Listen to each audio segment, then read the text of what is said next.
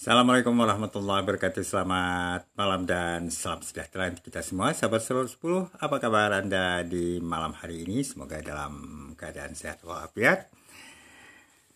Dan sebentar lagi dapat beristirahat dengan nyaman Karena besok tentu kita membutuhkan energi yang besar Untuk memulai aktivitas kita. Kita bertemu kembali dalam Sore 10 malam edisi 15 Februari 2021 ada tiga informasi yang akan saya sampaikan ke ruang dengar sahabat Soros 10 semua. Jadi jangan ke mana-mana, tetap dengan Soros 10. Berita pertama yakni tentang kabar ditundanya pelantikan bupati dan wakil bupati terpilih dari lima daerah di Kalimantan Barat yang menang dalam pilkada serentak eh, 9 Desember 2020 yang lalu.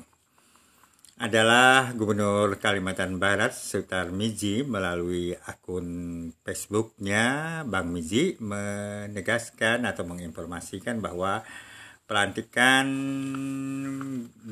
Bupati dan Wakil Bupati terpilih dari lima daerah di Kalimantan Barat ditunda diperkirakan tanggal 25 atau di akhir bulan ini bulan Februari ini. Secara bercanda Bang Miji panggilan akrab Sutar Miji menyatakan atau berharap kepala daerah yang akan dilantik eh, bersabar dan dengan canda khasnya yang lain sudah lama tidak main di taman catur katanya.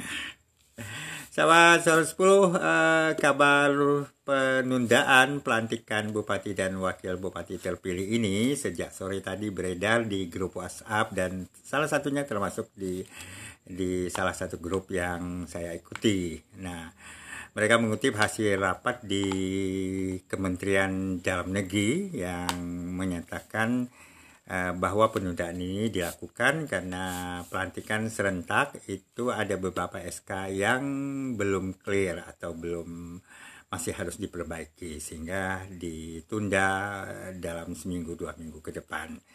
Dan secara pasti eh, nampaknya informasi penundaan baru beredar eh, hingga sore tadi sehingga eh, rombongan-rombongan calon-calon bupati dan wakil bupati yang sudah terlanjur berada di Pontianak ya akhirnya ya merasa kecewa juga tentunya karena uh, apa mereka sudah terlanjur berangkat. Bupati Ketapang sendiri uh, Martin Rantan kepada media beberapa hari yang lalu mereka menyatakan bahwa memang akan berangkat ke Pontianak pada hari ini.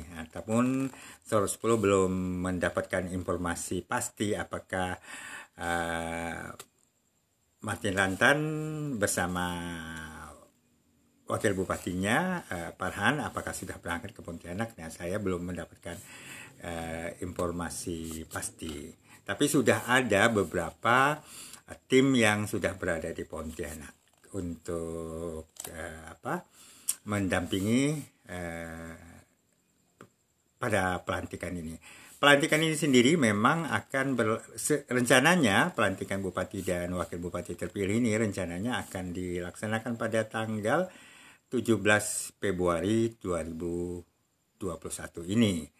Nah, eh, ini dikarenakan beberapa daerah memang masa akhir tugas dari bupati dan wakil bupati sebelum saat ini itu memang akan berakhir pada tanggal 17 Februari seperti uh, bupati dan wakil bupati Kabupaten Ketapang, uh, daerah kita tercinta ini. Nah, Martin bersama Suprapto memang akan mengakhiri masa jabatannya pada tanggal 17 uh, Februari 2021. Sebenarnya kalau itu dilaksanakan pada tanggal 17 pas saja sebenarnya. Jadi tidak tidak terjadi kekosongan uh, tapuk pimpinan di, di di daerah kita ini.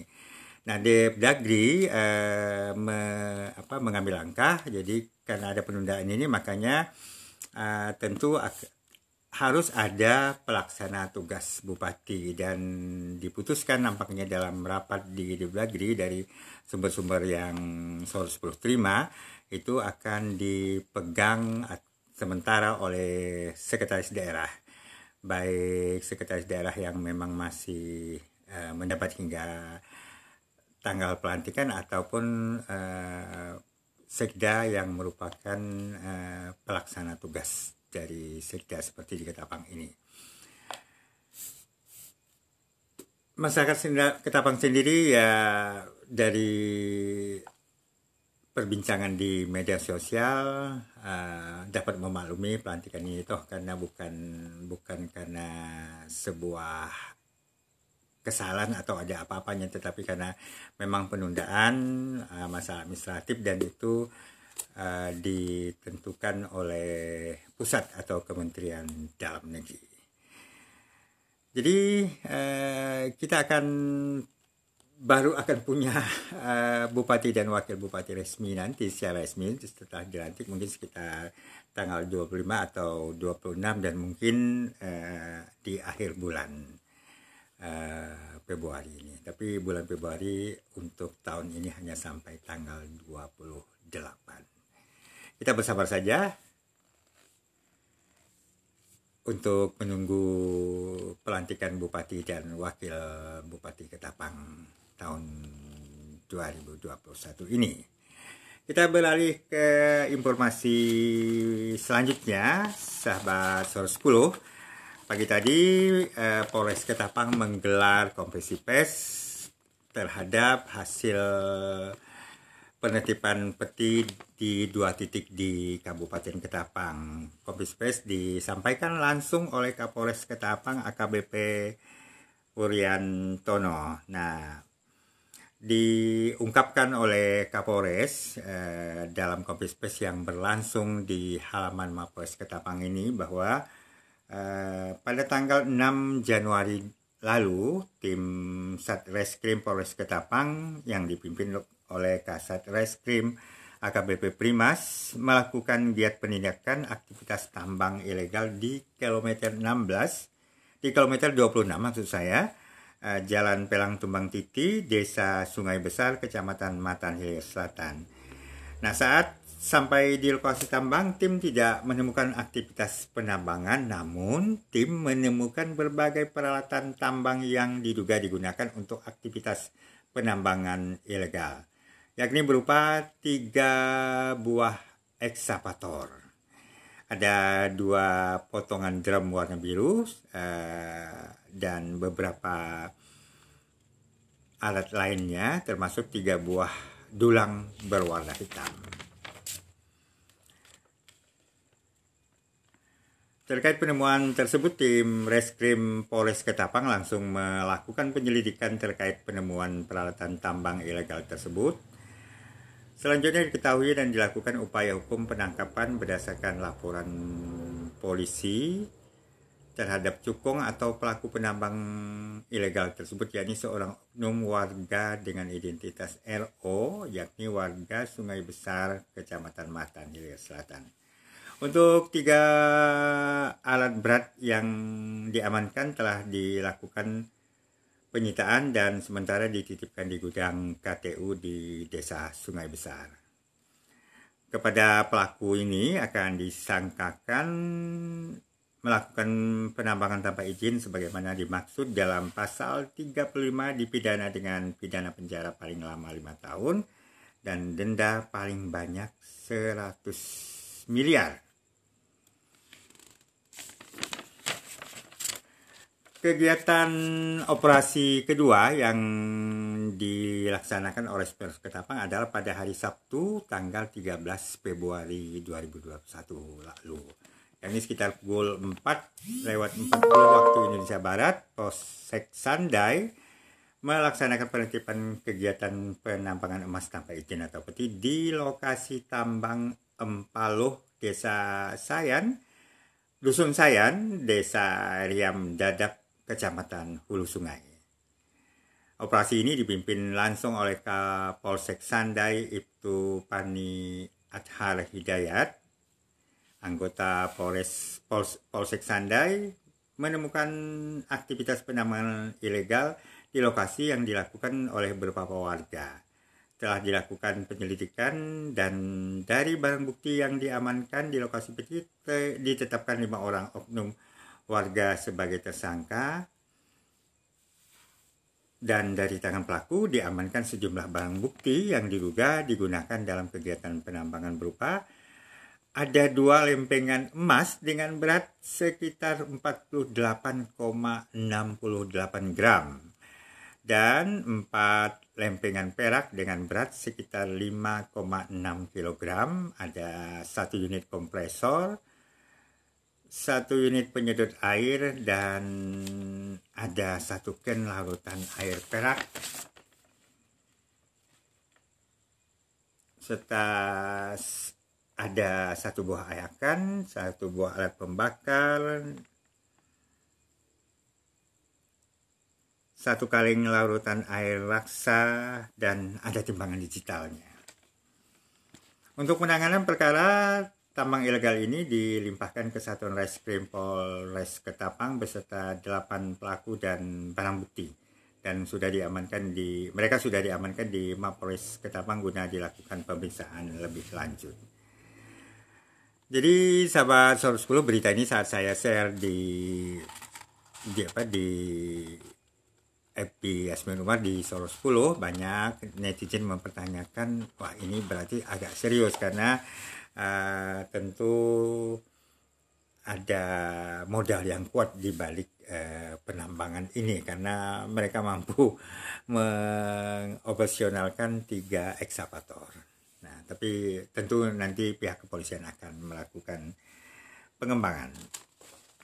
Informasi selanjutnya, sahabat 110, uh, siswa Madrasah Aliyah Negeri 2 Pontianak Muhammad Lutful Hakim berhasil menjadi juara pertama lomba merangkai robot di Jakarta. Siswa ini berhasil menjuara satu di madrasah robotik kompetisi yang dilaksanakan di Universitas Islam Asapiyah Bekasi dan lomba dilaksanakan tanggal 8 hingga tanggal 10 Februari 2021. Dilansir oleh Gensil News, uh, siswa Madrasah Aliyah Negeri 2 Pontianak ini uh, menjadi juara satu dalam kategori MSC, uh, dalam kategori maksud saya dalam salah satu kategori dari tujuh kategori yang diperlombakan.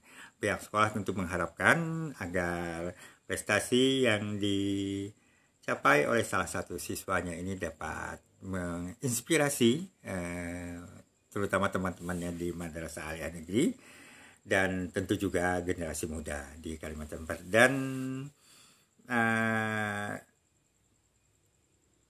untuk madrasah kegiatan tentang robotik ini berarti kan sesuatu yang baru juga kan? Walaupun ini sudah sering dilaksanakan tetapi kan image orang bahwa uh, teknologi agak jauh dari dari kegiatan-kegiatan siswa madrasah ayah negeri. Dan sekali lagi ini membuktikan um, siswa madrasah aliyah negeri yang dalam tanda kutip orang umum kita masyarakat rumahnya mengenalnya sebagai sekolah dengan basic uh, agama, nah, tapi ternyata uh, juga menggelar kegiatan uh, robotik seperti ini dan salah satu siswa dari Kalimantan Barat dapat menjadi juara, dapat membuktikan menjadi juara. Sekian uh, sahabat Solo 10 informasi yang dapat saya sampaikan ke ruang dengar sahabat semua. Selamat beristirahat, semoga dapat tidur dengan nyaman dan nyenyak dan bangun dengan uh, badan yang lebih segar tentunya agar besok dapat dengan semangat menjalani aktivitas. Terima kasih atas perhatian dan atensinya. Yasmin Umar untuk Sorot 10 malam. Bila itu. Assalamualaikum warahmatullahi wabarakatuh.